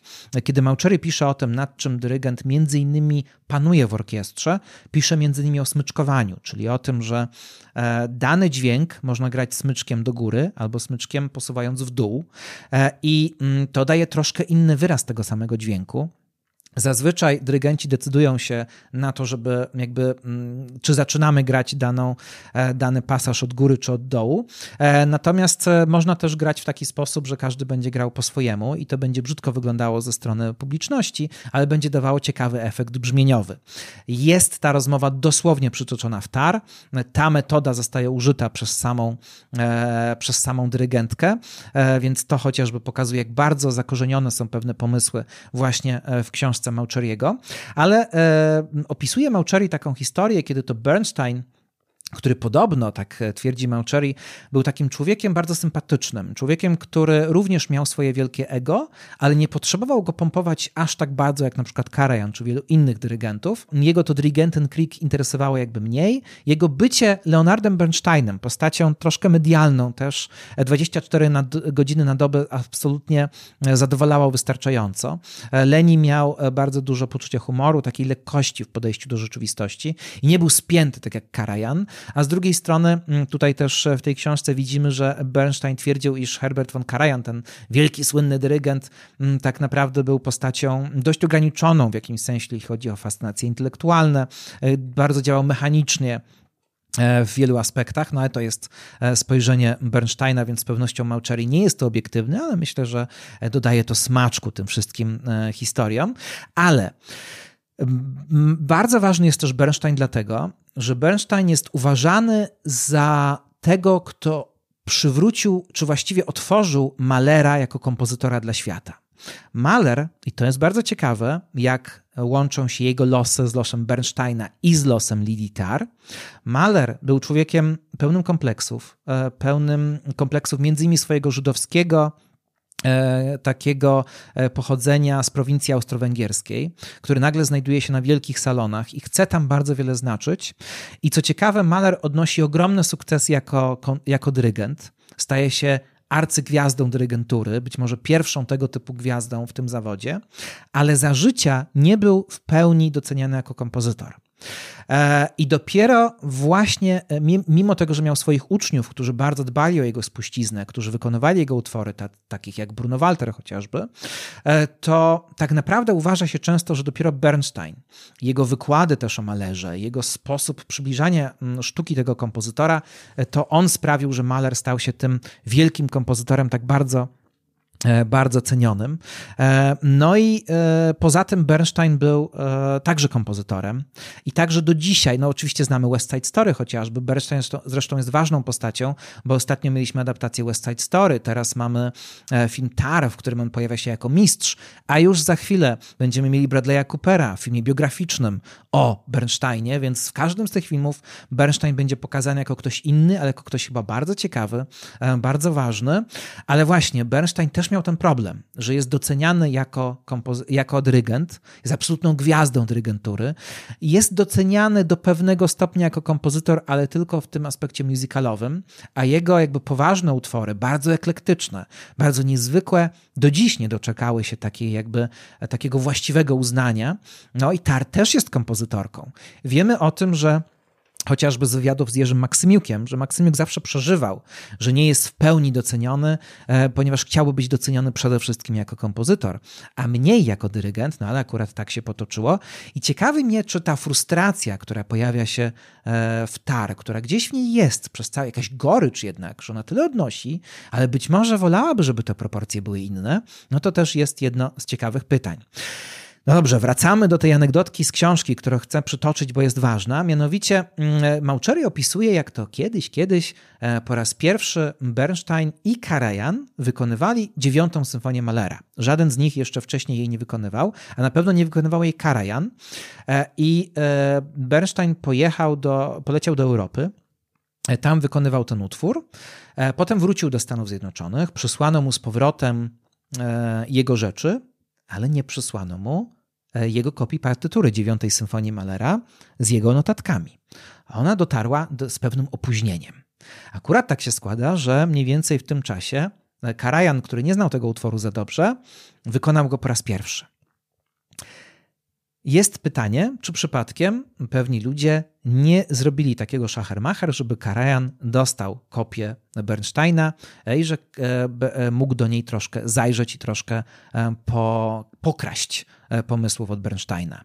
I idea czy intryga, która zaczyna się na samym początku filmu, kiedy Tar rozmawia ze swoim E, człowiekiem ze swojej fundacji, e, który ją w dużym stopniu finansuje, a który też jest dyrygentem i chciałby być wybitnym dyrygentem i prosi ją, że na chwilę chce zajrzeć do jej partytury, to jest jedna z dwóch głównych intryg filmu. Co ciekawe, często jest pomijana, mam wrażenie, w niektórych recenzjach, bo właśnie pamiętajmy, w tym filmie Tar robi machloje, ale też inni robią machloje wobec Tar. Na początku dowiadujemy się, że jest kwestia z tą partyturą, no i potem oczywiście będzie się działo to co będzie się działo, czyli e, zniknięcie tej partytury będzie bardzo ważną częścią e, w tym filmie. E, a więc e, sporo z książki Johna Maucheriego pojawia się w filmie Tar e, i też Maucheri był taką osobą, która właśnie mówiła Todowi Fieldowi, jak dyrygent się rusza, jakie są te relacje z orkiestrą, jak to wszystko wygląda, co jest możliwe do pokazania, a co nie. Później oczywiście pojawi się kolejna, kolejne osoby, które będą już uczyć samą Kate Blanchett i będą też pomagać w pewnych scenach, ale Maucheriego przemyślenia są tutaj ogromnie znaczące. No i dobrze, mamy już film, mamy już scenariusz, który napisał Todd I kolejne osoby również są niezwykle znaczące do tego, jak tar ostatecznie wygląda. Po pierwsze, zdjęcia zdjęcia Floriana Hofmeistera, nominowane do Oscara, zdjęcia kontrowersyjne, bo niektórzy nie widzą w nich nic specjalnego, niektórzy się nimi zachwycają i e, film dostał Złotą Żabę na festiwalu Camera Image, no, czyli najważniejszy festiwal operatorski mm, na świecie. E, Florian Hofmeister został zauważony przez e, mm, Toda Fielda w serialu The Terror, serialu, który można oglądać na Amazonie, który łączy w sobie, powiedziałbym, taki Lovecraftowski horror z taką szekspirowską, z szekspirowską niemal dramatem. Bardzo, bardzo ciekawa rzecz. E, I takie przygaszone światło, nieefektowne, ale wydobywające bardzo wiele z ludzkich twarzy, z ludzkich z, wnę, z wnętrz też, w których są bohaterowie. W przypadku The Terror to akurat jest e, statek, który płynie po arktycznych wodach. To gdzieś podobało się Todowi Fieldowi, a Field uważał, że Berlin, miasto, w którym duża część akcji się dzieje, ma specyficzne światło i trzeba będzie oddać to światło i trzeba będzie to światło łapać, gonić je i że Florian Hofmeister sobie z tym z pewnością poradzi. Co ciekawe, reżyserem The Terror, tego serialu, do którego Hofmeister robił zdjęcia i który tak zachwycił Toda Fielda, reżyserem mm, dużej części odcinków tego e, serialu jest reżyser na zachodzie bez zmian. Kolejna osoba to e, Hilbur, e, Hildur Gunnatotir, czyli oczywiście znakomita islandzka kompozytorka, wiolonczelistka też sama, która dostała już Oscara za swoją muzykę do filmu Joker, więc to bardzo niezwykłe, że taka współczesna, nie bojąca się awangardy kompozytorka, łącząca jakby rozwiązania e, formalne muzyki współczesnej, awangardowej e, z czymś bardziej przystępnym, co spotyka się razem w jej muzyce filmowej, no to tutaj e, ta Hildur Gunnatotir miała ogromne znaczenie. Ale co ciekawe, i to jest już interesujące, my dużą część tego, co Gunnatotir skomponowała do filmu, nie zobaczymy, nie usłyszymy a właśnie raczej zobaczymy, przepraszam. Dlatego, bo mm, Gudnatotir wymyśliła, że można podejść do muzyki filmowej inaczej. To znaczy, można skomponować film poprzez muzykę, ale w taki sposób, że my tę muzykę raczej będziemy właśnie widzieć, na przykład w sposobie, w jaki ruszają się bohaterowie, a niekoniecznie w tym, co słyszymy na ekranie. Ta muzyka kompozytorki, którą rzeczywiście słyszymy, jest bardzo dyskretna, e, bardzo taka ambientowa. Ona przede wszystkim e, podburza, podnosi taki niepokój w pewnych momentach. Natomiast okazuje się, że kompozytorka, kiedy rozmawiała z Toddem Fieldem, no to pytała go o to, mm, jak rozmawiali o tar na przykład. Jaki tar ma rytm? On nie wiedział o co chodzi na początku. Też o tym ciekawie opowiada właśnie w podcaście Marona. E, w, o co chodzi? O, o, co, o, o, co ona ma na myśli? I ona wtedy wymyśliła taką koncepcję, że każdy człowiek ma pewien swój rytm. Stwórzmy tar w taki sposób, że każda z postaci, a tych postaci jest niewiele, to jest bardzo tak naprawdę film kameralny, e, przynajmniej tych postaci, które znamy z imienia i nazwiska i które mają osobne kwestie dialogowe, E, no to niech każda z tych postaci ma swój rytm, ma swój sposób poruszania się ja ten rytm skomponuję. To znaczy, wymyślmy ten rytm, a ja potem wymyślę utwory muzyczne, e, które każdy z aktorów będzie słuchał na planie, będzie miał słuchawki w uszach i będzie się do tego rytmu dostosowywał. To znaczy ma grać w taki sposób, żeby ten rytm jakby przenosił się z ich uszu na ich ciała. My tej muzyki nie słyszymy, ale ten rytm czujemy w sposobie, w jaki aktorzy działają. I to jest bardzo niezwykłe, że właśnie Hildur e, Gudnadottir w jakiś sposób ten film skomponowała, e, ale nie w taki klasycznym sensie, że skomponowała do niego muzykę, tylko skomponowała ruch w tym filmie, więc cały ten film jest jak partytura, jest trochę jak utwór, który trzeba zagrać i trzeba go odpowiednio wydyrygować. I chodzenie aktorów, sposób mówienia aktorów jest też pewnego rodzaju performancem muzycznym. Kiedy się zastanawiali nad tym, jaki ma być rytm tar, no to pytała się kompozytorka, reżysera, co, jaki utwór on lubi z muzyki poważnej. I on wtedy powiedział, że jednym z jego najulubieńszych utworów, na punkcie którego ma obsesję, jest drugi e, kwartet smyczkowy e, Henryka Mikołaja Góreckiego, napisany na początku lat 90. dla Kronos Quartet, jak wszystkie jego e, kwartety smyczkowe. No i jak te jego wczesne kwartety smyczkowe, to jest utwór bardzo rytmiczny, bardzo taki obsesyjny. I on właśnie taki gwałtowny, rytmiczny, repetytywny fragment puścił e, mm, e, Hildur Godnatotir, no i ona stwierdziła, że to jest 120 uderzeń na minutę.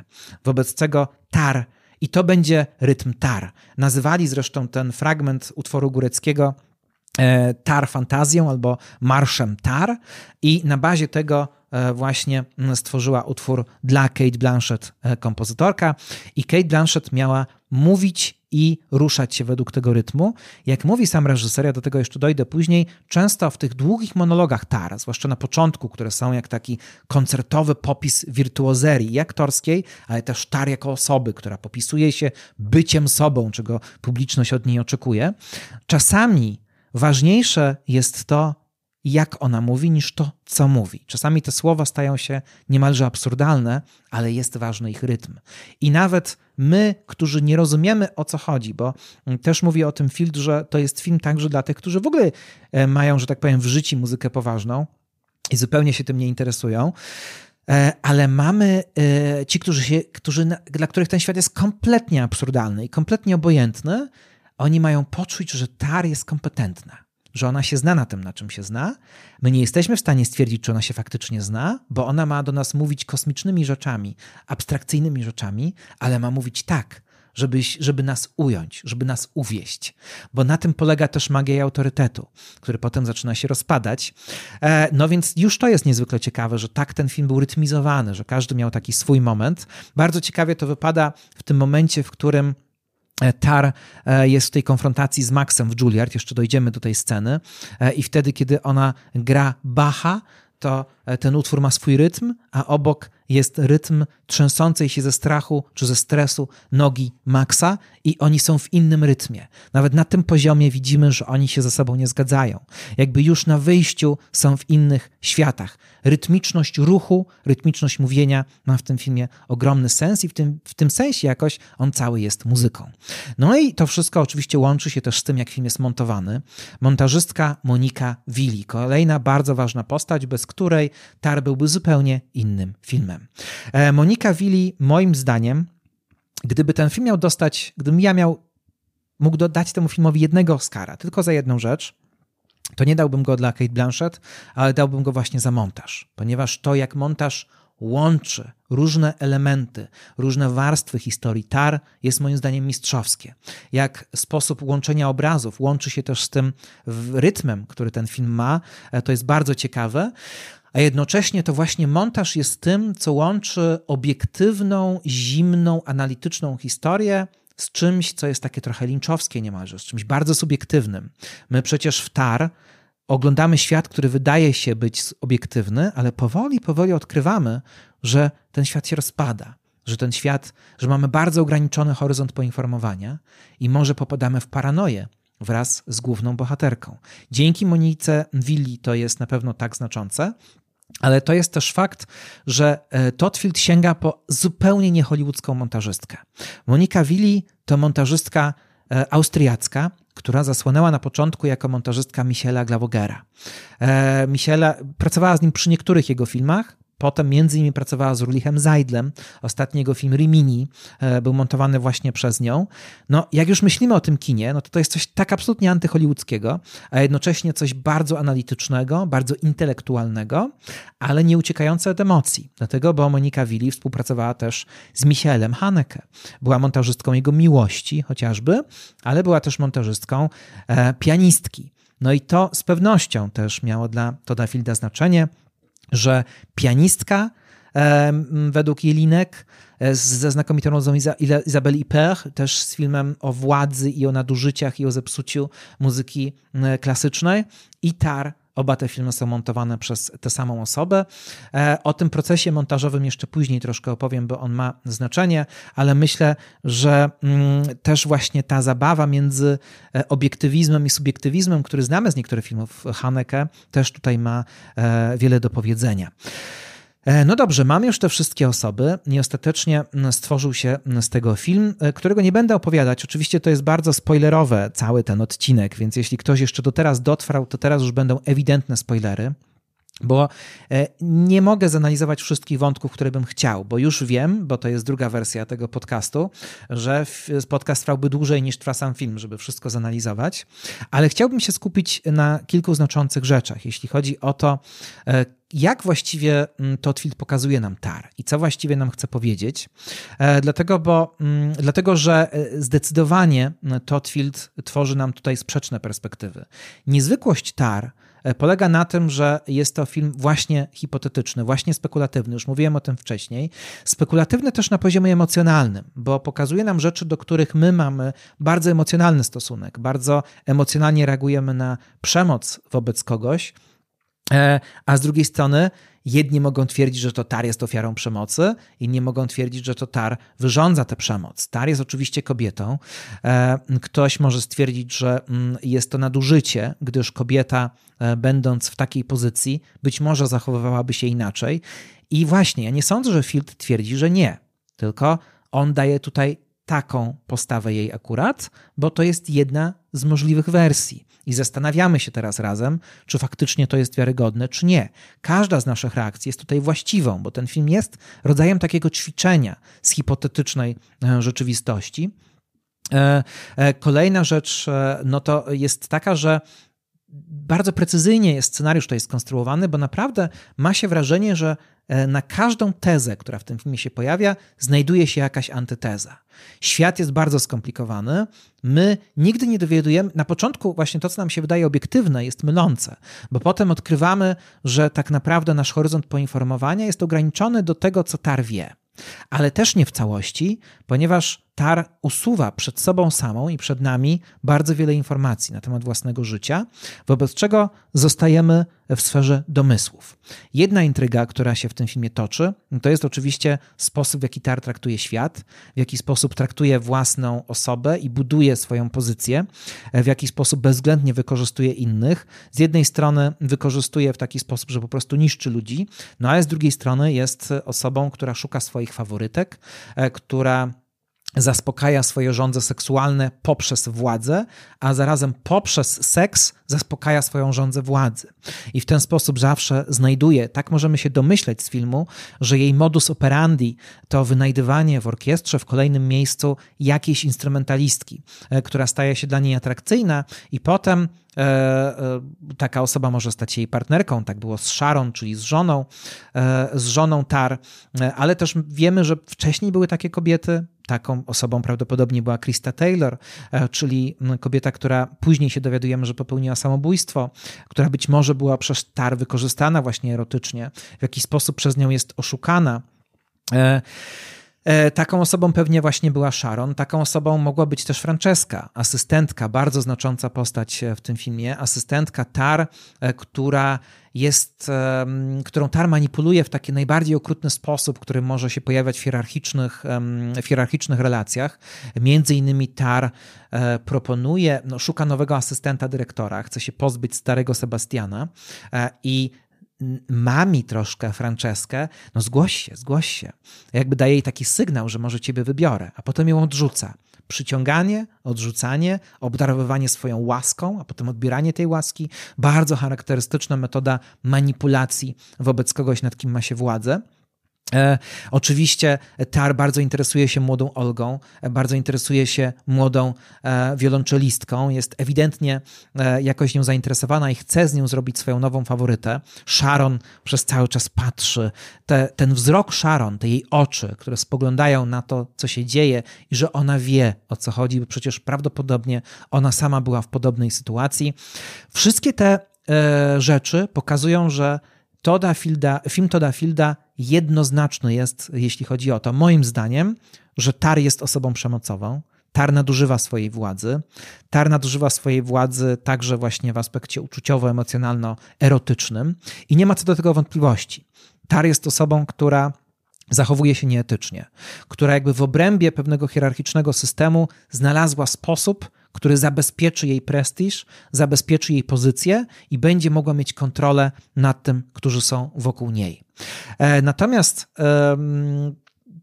no, z drugiej strony, e, jednocześnie widzimy, że ta pozycja tar zaczyna się walić, że ta pozycja w jakiś sposób zaczyna się psuć. I tutaj dochodzimy do tej kluczowej sceny, która jest tak bardzo kontrowersyjna, i ja też postanowię ją troszkę zanalizować i o niej troszkę powiedzieć, czyli scena w Juilliard. To pierwsza scena po tych dwóch takich długich e, sekwencjach, kiedy widzimy Tar najpierw e, puszącą się przed publicznością, która jest sobą tak bardzo, że już bardziej sobą być nie można, która później widzimy ją w rozmowach e, w kuluarach, w rozmowach bardziej prywatnych, ale też widzimy, jak ona czaruje, e, jaki ma, ale też widzimy jej miłość do muzyki, kiedy ona oskarża swojego współpracownika, że jest robotem, że naprawdę trzeba gdzieś działać po swojemu. I wydaje nam się, że przy całej tej dwuznaczności, przy całej tej takim zimnym okrucieństwie, który Tar sobą wyraża, jednocześnie już na początku filmu są takie fragmenty pokazujące, że przynajmniej do samej muzyki,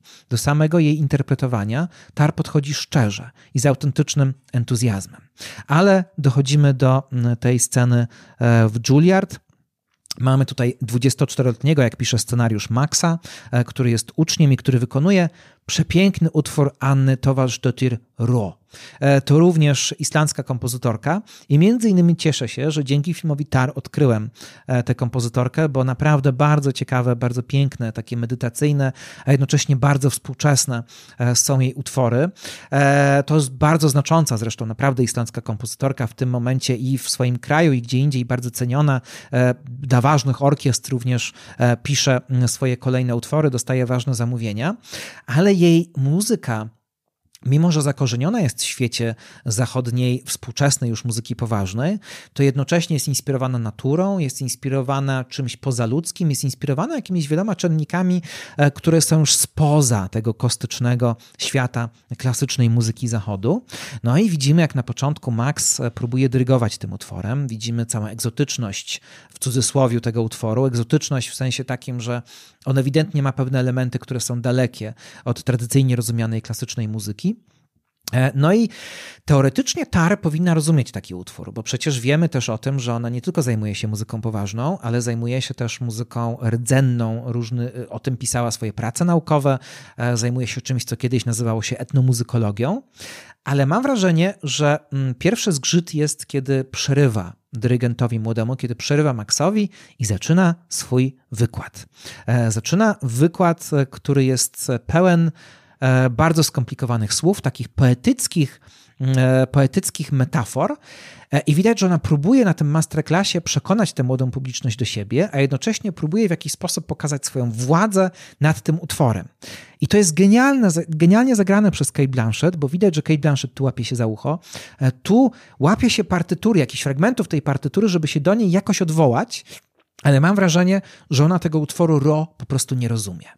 Że tutaj mamy pierwszy przykład kiedy Tar roztacza swój czar przed młodą publicznością, ale ten czar jest pusty. Ona mówi bardzo wiele zdań, które nie mają sensu.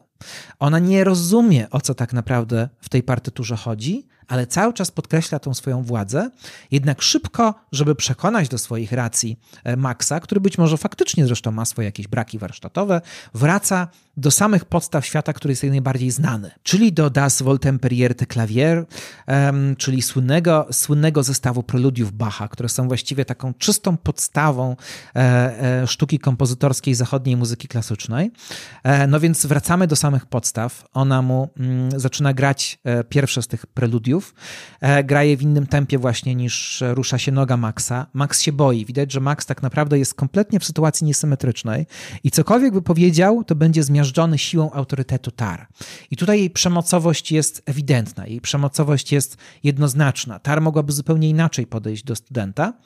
Zarazem e, ta scena, tak jak cały film, jest na granicy realizmu i też satyry, takiej troszkę podkręconej. Bardzo wiele scen w, Star jest, e, w Tar jest tak e, subtelnie karykaturalnych, gdzie właśnie widzimy, że jej postawa, jej sposób bycia są trochę tak, jak byłyby w rzeczywistości, ale też delikatnie przesadzone, delikatnie e, właśnie mm, jak, w jakiś sposób tak jest, tak, tak, tak wyolbrzymione, żeby to miało taki swój satyryczny wymiar. I myślę, że to też jest pewien problem z poetyką tego filmu, dlaczego niektórzy trochę nie wiedzą, jak ten film ugryźć. Bo z jednej strony jest to film e, pokazujący świat obiektywny, gdzie nagle się dowiadujemy, że być może tak naprawdę jest to świat subiektywny, a z drugiej strony, właśnie jest to realistyczne pokazywanie pewnej rzeczywistości, ale jednocześnie jest to do pewnego stopnia satyryczne pokazywanie tej rzeczywistości. To jest moim zdaniem ewidentne. Jest bardzo wiele tropów takich, które pokazują, że trochę mrugamy okiem do siebie, że to jest właśnie spekulatywna rzeczywistość, trochę podkręcona, a nie do końca prawdziwa, chociaż paradoksalnie bardzo w tej rzeczywistości zakorzeniona. E, no i Tar e, e, mówi o Bachu, wtedy ten student zaczyna mówić rzeczy, ona mówi rzeczy absurdalne, on zaczyna mówić rzeczy być może absurdalne, bo zaczyna mówić o tym, że w takim duchu właśnie twitterowych, e, walczących o nową rzeczywistość, walczących ze starym patriarchalnym światem. Mówi o tym, że jest osobą niebinarną, e, mówi o tym, że nie znosi patriarchalizmu i nie znosi seksizmu, który dla niego Bach uosabia. I odrzucając Bacha, właściwie odrzuca, co ciekawe, wszystko, e, cały ten świat, w którym się znajduje. To jest też pewien problem być może z realnością tej sceny, czy faktycznie w Juilliard, i to na dwóch kierunkach, studiowałby ktoś, kto zupełnie nie znosi samych podstaw zachodniej muzyki poważnej, chociaż potem e, próbuje się bronić, że lubi Edgara Vares e, i między innymi też osobą, bo pyta go Tar, a kto cię przyciągnął w ogóle do tego świata? Dlaczego ty tu studiujesz? On wtedy wymienia nazwisko Sary Chang, czyli mm, skrzypaczki koreańskiej, która no właśnie z jednej strony jakby była z innego świata, nie z tego świata zachodniego, no ale z drugiej strony ona sama też grała Bacha. E, I co właśnie jest ciekawe, to moim zdaniem ta scena pokazuje dwie, dwie postawy ignoranckie. No, to znaczy i Tar, i Max są wobec, ciebie, wobec siebie całkowicie ignoranccy. Ona zupełnie nie rozumie jego podejścia, jest z zupełnie innego paradygmatu, nie ma szacunku do jego podejścia. On z kolei taki przyskrzyniony, przytrzymany, być może wyskakując z tym zarzutem, akurat są większe zarzuty, bardziej brutalne zarzuty, które można wyciągnąć pod adresem wielu innych kompozytorów, niż to, że Bach miał wiele dzieci i to jest świadczy o jego mizoginizmie. Jest w tym wszystkim coś już takiego delikatnie kabaretowego. Ta cała scena jest na granicy, na granicy sketchu, ale jednocześnie ten absurd pokazuje ten poziom wzajemnej ignorancji. Ona nie rozumie jego świata, on nie rozumie jej świata, są w zupełnie innym rytmie, a zarazem w emocjach oboje mówią coś, tak mi się wydaje, prawdziwego. Kiedy on obraża Tar, ona mówi mu bardzo ważne zdanie, że mm, kiedy tak śpiesznie jest do obrażania e, i kiedy narcy, że, że narcyzm małych różnic prowadzi do najbardziej nudnego konformizmu.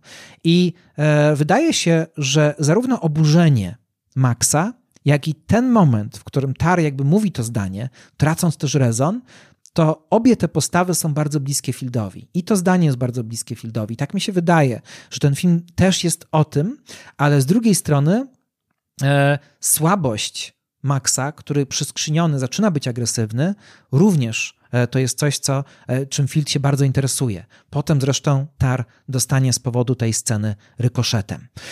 E, no i to jest oczywiście ważne, bo to pokazuje, że cały czas w jakiś sposób Tar żyje, manipuluje światem, ale też świat manipuluje nią. I jakby to, to jak Tar mm, zaczyna mm, jak Tar e, używa tych swoich e, mocy, żeby manipulować ludźmi wokół siebie, to już dość dobrze wiemy. To jest też opisywane w bardzo wielu innych recenzjach czy analizach tego filmu, ale skupmy się na tym odwrotnym. To znaczy, jest w tym filmie też bardzo ciekawy wątek tego, że Tar światu, e, świat nie pozostaje Tar dłużny i świat toleruje Tar tak długo, jak może mieć z niej, z niej korzyść. Zwróćmy uwagę, że Tar ma żona Tar, czyli Sharon, E, no, Sharon jest tutaj e, osobą, e, która znosi bardzo wiele, która widzi, jak tar działa. Przecież prawdopodobnie sama była w podobny sposób uwiedziona, ale zarazem Sharon ma z tego bardzo, bardzo wiele korzyści. Sharon jest dobrze w takim układzie, który jest trochę przemocowy.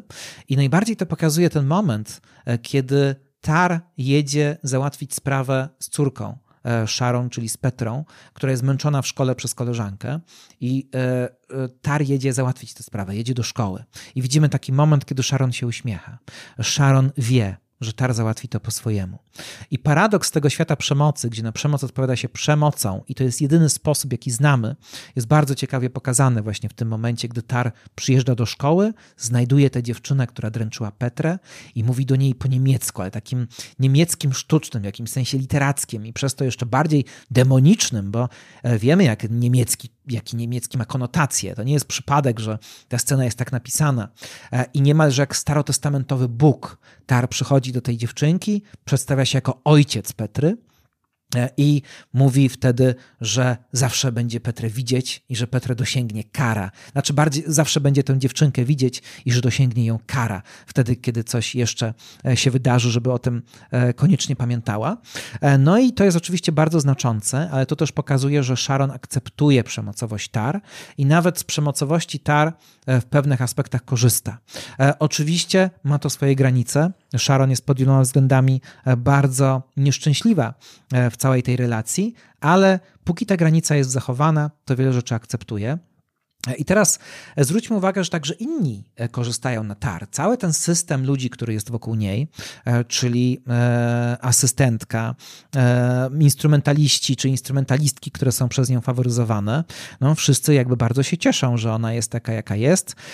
Ale dowiadujemy się z tego filmu, że tar, siła oddziaływania tar jest coraz mniejsza. Tar popełnia coraz więcej błędów. Pierwsze sygnały tego widzimy właśnie w scenie w Juilliard. No ale też, kiedy pojawia się Olga, e, kiedy pojawia się ta młoda e, kiedy pojawia się ta młoda wiolonczelistka, którą gra prawdziwa e, wiolonczelistka Sophie Kauer, no to widzimy, że Tar jest absolutnie nią zafascynowana od samego początku, że prawdopodobnie po ponownie zostanie uruchomiony ten mechanizm, który był uruchamiany wcześniej w przypadku e, Sharon, być może w przypadku też e, Christy Taylor, e, że znowu ona spróbuje ją uwieść i spróbuje e, manipulować nią także zawodowo, czyli będzie nią uwodzić poprzez to, że da jej e, możliwość zagrania solowej partii w koncercie wiolonczelowym Elgara. Co ciekawe, utwór Elgara w ogóle nie miał być grany akurat na tym koncercie, co innego miało towarzyszyć Piątej Symfonii Malera, a nagle okazuje się, że tutaj pojawi się właśnie Elgar. I co ciekawe, e, ten Elgar nie jest, wybrany, nie jest wybrany przypadkowo. Przypominam, że kompozytorką filmu Hildur Gudnadottir jest wiolonczelistka. E, mamy tutaj właśnie też wiolonczelistkę, a mm, e, koncert wiolonczelowy Elgara, no to takie dzieło, które słynie z tego, że młoda wiolonczelistka może stać się gwiazdą właśnie dzięki temu, że w efektowny sposób wykona ten utwór. No i mamy tutaj kolejną scenę, która pokazuje nieudane uwodzenie najpierw widzieliśmy, że Tar już nie działa jej urok i jej władza na kogoś takiego jak Max, ale jak się okazuje, nawet w sensie erotycznym, Tar już nie oddziaływuje na młodych ludzi, ponieważ Olga e, idzie na obiad e, z Lidią. Lidia proponuje jej coś do zjedzenia, Olga chce coś zupełnie innego. Kiedy przychodzi Kenner i pyta się maestro, co podać, to Olga pierwsza się odzywa, więc Olga zupełnie nie akceptuje mm, autorytetu Tar, zupełnie ją to nie obchodzi, a zarazem oczywiście chce jak najwięcej skorzystać na tym, że TAR jest nią zainteresowana. Widzimy, że to jest bardzo cyniczne działanie e, i bardzo słusznie twórcy e, świetnego kanału Drugi Seans zauważyli, wydaje mi się, że e, Piąta Symfonia Malera to oczywiście utwór, który kojarzy nam się między innymi ze śmiercią Wenecji Viscontiego. No i tamta opowieść, tam bohater wzorowany był na Gustawie Malerze w filmie, nie w książce. I tam jakby mieliśmy opowieść o starszym mężczyźnie, który próbuje uwieść młodego nastolatka, ale staje się śmieszny w tym uwodzeniu. I tutaj jest coś podobnego, jakby konotacje związane z tym czwartym, e, z czwartą częścią Symfonii Malera, czyli z Adagietto, e, bardzo ciekawie jakby zaczynają się uruchamiać. Tar jest w podobnej sytuacji jak Aschenbach w Śmierci w Wenecji, e, uwodzi Olgę, ale się kompromituje, staje się śmieszna. Ona wie o tym, że staje się śmieszna. Wiemy to też ze scenariusza. Tam są takie małe uwagi w scenariuszu, e, kiedy jakby wprost jest napisane, że Tar e, staje się w jakimś sensie pokonana w, w, takim, e, w takiej próbie rozmowy i zaimponowania Oldze. To raczej Olga, jak się okazuje, wie wiele rzeczy innych, żyje w innym świecie, w innym znowu paradygmacie, w innym rytmie niż Tar i nie mogą się ze sobą połączyć. Ale co jeszcze wiemy o świecie, który jest wokół Tari? To jest jest bardzo ciekawe, ponieważ Tar w pewnym momencie jakby jest tak przywiązana do tego swojego budowania władzy na takich zasadach, na jakich ona to robi, że nie zauważa, że inni mogą to wykorzystać i że ona się może potknąć o własne nogi. I tutaj dochodzimy do kolejnej bardzo interesującej rzeczy, mianowicie, e, jak pamiętamy, film zaczyna się od sceny, w której ktoś przygląda się Tar. E, mamy tutaj jak z thrillera wątek, gdzie przez cały film ktoś filmuje tar, wysyła SMS-y lub MMS-y do kogoś innego i jest tutaj szykowana jakaś intryga. W zasadzie tak naprawdę, gdyby tak klasycznie, klasycznie scenariuszowo podejść do analizy filmu, no to stwierdzilibyśmy, że zaczyna się ten film właśnie od ujęcia podglądania tar i że tak naprawdę tajemnicą w tym filmie i główną intrygą nie jest to, jak Tara traktuje ludzi, ale jak ktoś próbuje zawiązać spisek przeciwko Tar. Nie wiemy, czy to jest prawda, ponieważ ten film subiektywizuje rzeczywistość, którą widzimy, no to możemy odnieść wrażenie, że Tar popada w taką teorię spiskową, że Tar popada w paranoję i nasz świat nasz odbiór świata rozpada się wraz z jej psychiką. Może tak być. E, wiele jest takich scen troszkę jak z horroru. E, wiadomo, że Tar ma te dwa mieszkania. Mieszkanie oficjalne e, i to mieszkanie w kamienicy, gdzie właśnie obok mieszka osoba chora. Nie będę już to wnikał, ale tutaj te wnętrza też są bardzo ciekawe. To jak Florian Hofmeister pokazuje architekturę i Berlina i Nowego Jorku i też architekturę wnętrz, jak te pomieszczenia, w których pokazują się bohaterki, wiele o nich mówią. To jest bardzo niezwykłe jak ten film pięknie wykorzystuje wnętrza i zamiast nam mówić słowami wiele rzeczy o ich backgroundzie, o tym, kim są, jakimi są ludźmi, poprzez to właśnie nam o nich opowiada. Ale e, no, widzimy, że ktoś tar, e, o ktoś, ktoś źle życzy tar. E, I możemy dojść do wniosku, i to już jest moja interpretacja, że osobą, która ma oczywiście najbliższy dostęp do TAR jest Francesca. Mówiłem już o tym, że TAR wykorzystuje Franceskę w bardzo nieciekawy sposób. To, że Tar sypia z kobietami, które są wokół niej i w ten sposób je do siebie przyciąga i uzależnia od siebie. E, to wiemy i z historii Sharon, i z historii mm, z Kristą Taylor. Natomiast e, być może z Franceską Tar również sypiała. E, widzimy taką jedną małą scenę, gdzie być może Franceska czuje pewien rodzaj zazdrości, takiej zazdrości uczuciowej, a nie tylko zawodowej. A z drugiej strony, początek filmu, kiedy widzimy, jak, mm, e, jak Adam Gopnik mówi, recytuje te wszystkie zasługi Tar, jest taka złowroga scena, kiedy Francesca recytuje to razem z nim, tak jakby znała to wszystko na pamięć i jakby to wszystko ją trochę śmieszyło, albo właśnie ona była pewnym mastermindem jakiejś intrygi.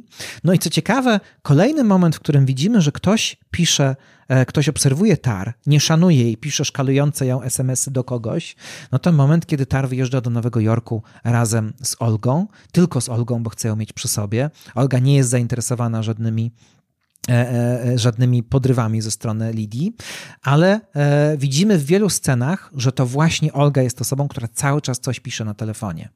Jaki z tego wniosek? Otóż film sugeruje, ale tak jak nie wiemy, czy Tar jest do końca winna w 100% tym zbrodniom, na przykład związanych z Kristą Taylor, o które się ją oskarża, tak samo nie wiemy do końca, bo film nam nie daje odpowiedzi, czy faktycznie Francesca i, e, i Olga są w zmowie. Że to one do siebie piszą, że to one e, zaplanowały jakiś spisek, e, który ma służyć temu, żeby Tar zdetronizować. I co ciekawe, mamy tutaj jeszcze więcej połączeń. To znaczy Tar, i dojdziemy do tego analizując ostatnią część filmu, ale Tar jest osobą, która ma pochodzenie inne niż wszyscy. Ona pochodzi z biedniejszej rodziny. Ona jest kobietą. Ona nie ma umocowań rodzinno-płciowych e, też, e, które dają jej władzę. Ona prawdopodobnie wszystko sobie wywalczyła swoim prawdziwym, autentycznym talentem, swoim prawdziwą, autentyczną pasją, a potem zaczęła sobie radzić właśnie tym, że musiała znaleźć sposoby, e, które przemocowo pozwolą jej umocować umocować swoją pozycję, pozwolą ją zachować, bo wszyscy grają tutaj przemocowo, więc ona też musi. I to jest taka opowieść właśnie jak z Kubricka, czyli jednostka w świecie bardzo hierarchicznym, który jest zepsuty i która też staje się zepsuta wraz z nimi. E, no i co tutaj się ciekawego dzieje? Otóż zwróćmy uwagę, jak powiązani są e, ludzie wokół Lidii. I zwróćmy uwagę, jak jest z Olgą. Olga nie jest osobą, która nie ma żadnych koneksji, żadnego powiązania, ponieważ w rozmowie w czasie tego obiadu z Lidią e, Olga się pyta e, o to, czy e, jak teraz tutaj próbuje w Europie, to nie straci miejsca w orkiestrze rosyjskiej, a ona się do, i dowiaduje się, że wujkiem Olgi jest Simonow, czyli prawdopodobnie Jurij Simonow, bardzo ważny dyrygent rosyjski, bardzo wpływowa w postać w tamtym świecie muzycznym. Ta zresztą znacząco, robi znaczący gest oczami, tak się dziwi trochę temu. Aha, czyli ty jesteś też częścią tego świata, jesteś powiązana z nimi wszystkimi. A kolejna e, scena, e, która jest moim zdaniem niesamowicie ważna, a kolejna bardzo ważna scena to moment, w którym Tar idzie do Sebastiana. E, Sebastian dowiaduje się o tym, że zostanie wyrzucony ze swojej funkcji asystenta dyrygenta, że kogo innego już chce na to miejsce Lidia i rozmawiają ze sobą. I to jest bardzo ciekawa rozmowa, bo w niej kurtuazja miesza się e, z wybuchami wzajemnej agresji. E, miesza się z tym, że oboje mają na siebie haki i mówią o tym. Sebastian w pewnym momencie mówi do Lidii, że przecież ty zawsze tak działasz, że właśnie masz dziewczyny, które są twoimi kochankami. Potem się z tego wycofuje. Potem jakby mówi, tak jakby się przestraszył, że narusza jej autorytet. Ale być może tak naprawdę ta scena pokazuje, że on jej grozi. On jej mówi: Ja wiem, co ty masz na sumieniu, ja wiem, jak ty działasz i nie zawaham się tego wykorzystać. A być może my wszyscy to wykorzystamy. Dlaczego wszyscy? Dlatego, że ona w odpowiedzi e, mówi też Sebastianowi, że ona coś o nim wie. A co mu mówi? No otóż mówi mu o tym, że on cały czas tak naprawdę jest zakochany w Andrisie Davisie, czyli w tym y, ich wielkim mistrzu, w tym starym dyrygencie, który jak się dowiemy też z innej rozmowy, ma wiele za uszami, ale już go nic nie dotknie. A więc prawdopodobnie e, Andris Davis jest człowiekiem, który ma żonę, który żyje w takim statecznym życiem, jest bardzo ceniony, a pod spodem bardzo wiele innych rzeczy się działo. Między innymi e, wszystko na to wskazuje, z tej rozmowy tak wynika, Andris Davis e, mm, jest też osobą homoseksualną i utrzymywał kontakty seksualne z Sebastianem. Sebastian jest cały czas w nim zakochany, mieszka na tym samym piętrze co Andris, ale nie znosi tego, że Andris jest e, w związku małżeńskim, a więc być może relacja między Andrisem i Sebastianem była bardzo podobna do relacji między Lidią i jej e, kochankami, e, które potem czyniła ważnymi osobami w orkiestrze. A więc jest tutaj jakieś wet za wet. Ale to też pokazuje, jak bardzo wszyscy wokół Lidii są ze sobą powiązani, jak bardzo każdy tutaj ma jakieś plecy, jak bardzo e, ten organizm jest wsobny i jakby ręka rękę myje, natomiast ona jest trochę poza nim i ona musi działać w sposób podobny, ale bardzo łatwo jest ją z tego świata wyrzucić. E, I kiedy ostatecznie Lidia zostaje skompromitowana, e, kiedy okazuje się, że Olga w ogóle nie wiadomo, kim jest Olga. Przecież ta scena e, oddawania jej misia, kiedy Tar idzie do zniszczonej berlińskiej kamienicy, kiedy ostatecznie nikogo tam nie znajduje, tylko upada na twarz i de dezintegruje się nie tylko jej psychika, ale także dezintegruje się jej ciało. E, później, kiedy są już ewidentne e, zarzuty wobec Kristy, kiedy wyrzucają kiedy Tar zostaje pozbawiona swojej roli w fundacji, akordeon, którą sama zakładała, no to ostatecznie to wszystko prowadzi do tego, że odrzuca także e, Tar żona, czyli Sharon, i odrzuca w ten sposób e, możliwość kontaktu z Petrą, a wpada w tym filmie takie zdanie, że być może młoda Petra jest jedyną osobą, którą Tar naprawdę kocha, no to Tar traci wszystko. Traci to wszystko, co było dla niej ważne, a ostatecznie traci też, e, kiedy już żona ją odrzuca, traci swoją kopię partytury Piątej Symfonii Malera. No i okazuje się, że to, co było na początku filmu, intryga zaczerpnięta z książki, z książki Johna Maucheriego, również jest e, jakby w użyciu. E, być może wszyscy tak naprawdę, i Sebastian, e, troszkę ten film to sugeruje, i Sebastian, i Francesca, i Olga, i Andris, wszyscy, i nawet Sharon, która jak twierdzi Field, ale nie pamiętam, czy w filmie jest to jakoś zaznaczone, ma siostrę w Deutsche Grammophon. To jest też bardzo ciekawe. A więc cały ten organizm, który Star korzystał, już nie ma z niej profitów i wreszcie się jej pozbywa. A więc Tar jest osobą, jest przemocową mistrzynią, e, która działa przeciwko światu i która wykorzystuje swoją władzę, ale jednocześnie ten świat robi z nią to samo. Być może e, ta przemoc, która dotyka tego świata, e, ostatecznie zostaje, e, ten świat chce się oczyścić z tej przemocy, ale robi to za pomocą kozła ofiarnego. Tym kozłem ofiarnym będzie właśnie Lidia. I tu dochodzimy do ostatniej części filmu, która dla niektórych jest sztuczna, dla niektórych jest doklejona, dla niektórych jest niepotrzebna, ale jest bardzo interesująca. Kiedy Tar już traci wszystko, siedzi w tym swoim mieszkaniu, które wynajmuje, gra na akordeonie śpiewa piosenkę, która ma przeszkodzić bogatej rodzinie w sprzedaniu mieszkania, a Tar wie, że ta bogata rodzina czy bogata córka zostawiła swoją biedną, schorowaną matkę i się nią nie zajmowała. Ta scena ma bardzo, bardzo wiele znaczeń.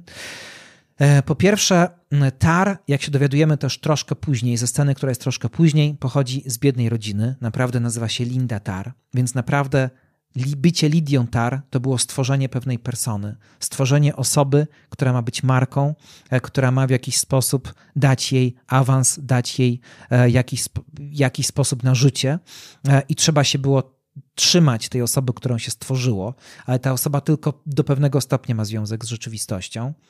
E, Tar prawdopodobnie, i o tym mówi też w wywiadach Todd Field, e, w filmie to nie jest tak bardzo zarysowane, ale Field twierdzi, że to, na, to nazwisko Tar, czy pisane tak jak e, oficjalny pseudonim artystyczny Lidii, czy tak jak w dokumencie, e, który widzimy w jej domu, e, czyli przez 2R, e, to jest nazwisko, które ma nie brzmieć amerykańsko. Czyli mamy z tego wnioskować, że Tar pochodzi z rodziny imigrantów. Nie, prawdopodobnie mm, urodziła się w Stanach, ale być może jej rodzice już nie, a więc więc nawet pod tym kątem Tar jest obca.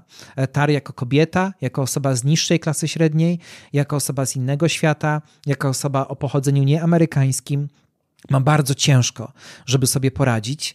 E, z akordeon to jest bardzo ważna rzecz, ponieważ Lidia zakłada fundację, e, która ma pomagać młodym e, kobietom uprawiającym muzykę poważną, a akordeon był tym instrumentem, tak mówi też reżyser, że możemy wnioskować z tych scen, że akordeon był jedynym instrumentem, który na początku miała, bo nie stać jej było na nic innego. Dlatego właśnie ta fundacja nazywa się akordeon i dlatego widzimy, kiedy Tar jest ogołocona, jakby ze wszystkiego, co kojarzy się z jej E, statusem, z jej hierarchią, z jej pozycją, to zostaje tylko sama z akordeonem. I co ciekawe, w tej piosence, którą śpiewa, przeciwko tym ludziom, którzy robią coś złego, buntuje się przeciwko przemocy, buntuje się przeciwko niesprawiedliwości.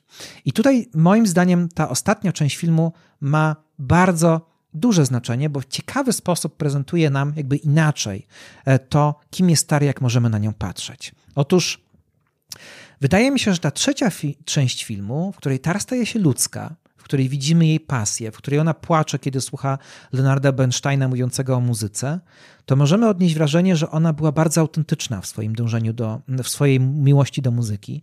Bardzo cieszyły ją sukcesy i po prostu chciała odnieść te sukcesy jak największe.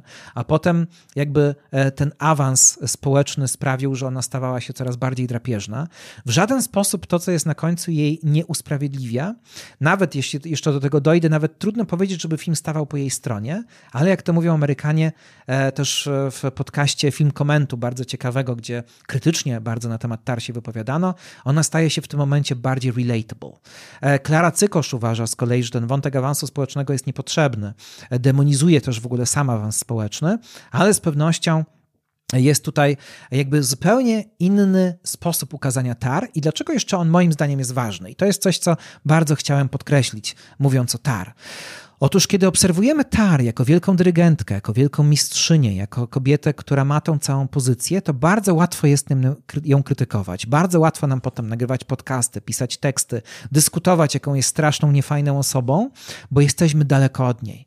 Łatwo jest nam krytykować postaci, e, które są większe niż życie, które, którymi zazwyczaj raczej nigdy nie będziemy. Natomiast e, to, to, że Tar reaguje złością na przemoc, na niesprawiedliwość, która dzieje się obok niej, jest ciekawe, bo widzimy, że Tar jest ślepa na własną przemoc, ale jest wrażliwa na przemoc, kiedy dzieje się wśród innych, wśród bezbronnych.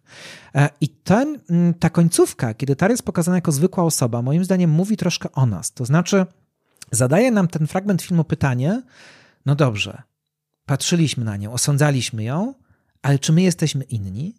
E, czy jak my się zachowujemy na co dzień? Czy nasze małe codzienne hipokryzje, nasze małe codziennie wykorzystywanie naszej pozycji, jakkolwiek mała czasami by ona nie była, nie są podobne do tego, jaka jest ona? E, czy co sprawia, że osoby na e, wyższych szczeblach władzy e, zachowują się tak, jak się zachowują? Czy wtedy rodzi się ta przemoc, czy ona może rodzi się już wcześniej? Tara w tym momencie, kiedy jest na Banicji, kiedy jedzie do jakiegoś egzotycznego azjatyckiego kraju, co też jest krytykowane jako taki postkolonialny wątek, ale wydaje mi się, że Tar i świat Tar tak na ten świat, na taki kraj po prostu patrzy i dlatego to jest tak pokazane jakby jest zdegradowana na wielu poziomach, e, nie ma swojej pozycji społecznej, śpi w jakichś tanich hotelach, będzie grać muzykę do gry komputerowej Monster Hunter World, e, czyli jakby z tego świata e, wielkiej sztuki trafia do świata, który w jakiś sposób być może ją degraduje. Ale z drugiej strony, ja tak odebrałem też za pierwszym razem tę końcówkę, Tar jest uwolniona. Lidia może znowu być Lindą, może być bez tej całej presji tego środowiska, i może spojrzeć na siebie inaczej. I taki moment takiego samopoznania, gdzie jakby Lidia zauważa, że e, zauważa własną hipokryzję. Jest moment, w którym idzie do salonu masażu i tam może wybrać sobie dziewczynę, która ją pomasuje i wybiera troszkę jak dyrygentka, ale jakby czuje, że coś tu jest nie tak, czuje niesprawiedliwość tej sytuacji. Wykorzystywanie być może seksualne kobiet e, do takiej pracy ją brzydzi ale właśnie brzydzi ją i ona wychodzi wymiotować. Ale wymiotuje właśnie dlatego, tak mi się wydaje, że ona na chwilę widzi w tym siebie. Że przecież to, co ona teraz robi, to jest coś, co robiła przez cały czas. Tylko w innym kostiumie, pozbawionym tego całego prestiżu, staje się to bardziej dobitne. I to jest takie pytanie, które film nam zadaje. A co my? Czy my na co dzień nie jesteśmy inni, tylko nie zauważamy tego, że jesteśmy podobni do Tar? Um, to spojrzenie na Tar jak na zwykłą osobę jest bardzo ciekawe. Na końcu jednak ten film pokazuje tą niejednoznaczność też we własnym podejściu do Lidii, bo Lidia, owszem, dalej jest dyrygentką, dalej jest ceniona, ale jako po prostu już e, fachmenka, czy, czy po prostu ktoś, kto jest zawodowcem w, swoim, e, w swojej dziedzinie, będzie dyrygować muzyką z, z utworu, będzie dyrygować będzie dyrygować muzyką z gry komputerowej, ale będzie to dyrygowanie, e, w którym straci swój główny atut, czyli panowanie nad czasem. Dostanie headset, w tym headsetie będzie słyszeć e, czas, który musi być zgrany z projekcją, więc ona nie będzie już mogła tego czasu kontrolować. No ale, e, więc możemy jej trochę współczuć, a może widzimy, że to jest jakaś szansa na odkupienie dla niej, że przynajmniej jako osoba ona się zmieni, ale ten film pokazuje, że przemocowość Lidii to, że jest osobą narcystyczną, to jest to, co ją najbardziej zgubiło, że świat zaczął to wykorzystywać także przeciwko niej, ale e, i na końcu Tar nie za bardzo się zmienia. Tar ma swoją, swoje obsesje, których nie potrafi się pozbyć. Przed wykonaniem koncertu znowu zaczyna monolog o kompozytorce, czy o kompozytorze, e, bo tutaj dwoje akurat e, osób do tej gry stworzyło muzykę i nie wiadomo o kogo do końca chodzi. Natomiast wiemy, że w tym wypadku muzyka do gry kompozytorska myśl ma mniejsze znaczenie. Przede wszystkim sama gra ma znaczenie, a przecież e, prawdopodobnie świat tej gry to jest świat, którego Lidia nie rozumie. I widzimy też na końcu, i tego nie ma w scenariuszu, ale jest to w filmie, widzimy, że kiedy Lidia zaczyna grać, to muzyk, który jest obok niej, trzęsie mu się noga w podobny sposób, jak trzęsła się noga Maxowi w Juilliard, a więc prawdopodobnie, i to jest taki smut, taka smutna rzecz, Tar, największym wrogiem Tar jest ona sama. Największym jej wrogiem jest e, to, e, w jaki sposób ona podchodzi do świata i że ona nie potrafi zrezygnować z pewnych rzeczy. I być może największe piekło, jakie może być, kiedy jest się taką osobą, jest to, że Linda Tar będzie już na zawsze e, więziona przez Lidię Tar. I na koniec warto powiedzieć o jednej rzeczy, która jest z tym związana, mianowicie o procesie montażu. E, ponieważ często pytają Toda Fielda o to, jaki on właściwie ma stosunek do Tar, co właściwie on chce o tej postaci powiedzieć. E, I on, e, między innymi Greta Gerwig go o to pytała, i on zawsze wtedy faktycznie robi pewien unik, bo ucieka się do anegdotki. Opowiada o tym, jak z Moniką Willi montowali ten film. Z dala od świata, z dala od Kate Blanchett, od orkiestr, od tego wszystkiego byli po prostu zamknięci w studiu. E, codziennie był kolejny etap filmu do zmontowania, a potem szli na długi, długi spacer. Za każdym razem, po każdej partii kolejnych zmontowanych scen, szli na ten spacer i ze sobą rozmawiali. I każdy taki spacer zaczynał się od pytania: I co sądzisz dzisiaj o Lidii? Jaka jest dla ciebie Lidia dzisiaj? I za każdym razem Lidia była kimś innym. E, e, refleksje Moniki Willi, która nie była na planie też, miała taki chłodny stosunek do tego, e, zmieniały się. Lidia była dla niej kimś za każdym razem innym i Totfield mówi, że dla niego również. Lidia jest człowiekiem. Bycie człowiekiem jest niezwykle, niezwykle skomplikowane i to, że osądzamy ją w jakiś jeden sposób, e, to e, nie znaczy, że nie, my nie możemy jej też osądzać w jakiś inny. Każda być może e, z opinii na temat TAR jest opinią znaczącą. I właśnie tak jak mówił Barzej Hrabkowicz i Sebastian Smoliński w radiu, w swojej audycji o TAR, być może TAR to takie kino troszkę post-mitu, które szuka, szuka trzeciej drogi, czyli pomiędzy jednoznacznym kancelowaniem a jakby obroną e, tych wielkich autorytetów. Może dojrzeliśmy już do tego, żeby uczyć się niuansować. I na koniec chciałbym wrócić do tej sceny, e, w której Tar rozmawia z Maxem, w którym go tak bardzo atakuje, e, kiedy mówi to zdanie Don't be so eager to be offended to w jakimś sensie to zdanie przypomina podobne zdanie z Władcy Pierścieni. Być może to nie jest przypadek, że akurat Władca Pierścieni jest to przywołany, biorąc pod uwagę e, Kate Blanchett. Mianowicie we Władcy Pierścieni jest taki moment, e, w którym Frodo zastanawia się nad tym, dlaczego nie zabito wcześniej Goluma. Że być może Bilbo powinien był zabić Goluma i wtedy wszyscy mieliby spokój. Bardzo się Gandalf oburza na to i mówi, że wielu jest takich, co żyją, a nie powinni. I są tacy, co nie żyją, a powinni. Nie jest w naszej gestii to, żeby o tym decydować. E, I mówi, że nie, nie rzuca jakby osądami e, związanymi ze śmiercią tak łatwo. Nawet najmądrzejsi nie są w stanie znaleźć wszystkich subtelności. Do not be too eager to deal out death in judgment. Even the very wise cannot see all ends. A na koniec jeszcze małe further listening, further reading, further watching. E, jeśli ktoś dotrwał do tego momentu, to bardzo serdecznie chciałem polecić e, po pierwsze oczywiście książki Johna Maucheriego. Jeśli ktoś jest być może teraz nagle zainteresowany e, dyrygenturą, no to naprawdę warto je przeczytać, bo one są pisane właśnie w taki sposób, że wiele się z nich dowiemy, nawet jeśli jesteśmy zupełnie zieloni w temacie. Z drugiej strony polecam i wrzucę do tego link odcinek programu telewizyjnego o Omnibus BBC z 93 roku, odcinek o dyrygentach, który nazywa się Everything You Wanted to Know About Conducting But Were Afraid to Ask.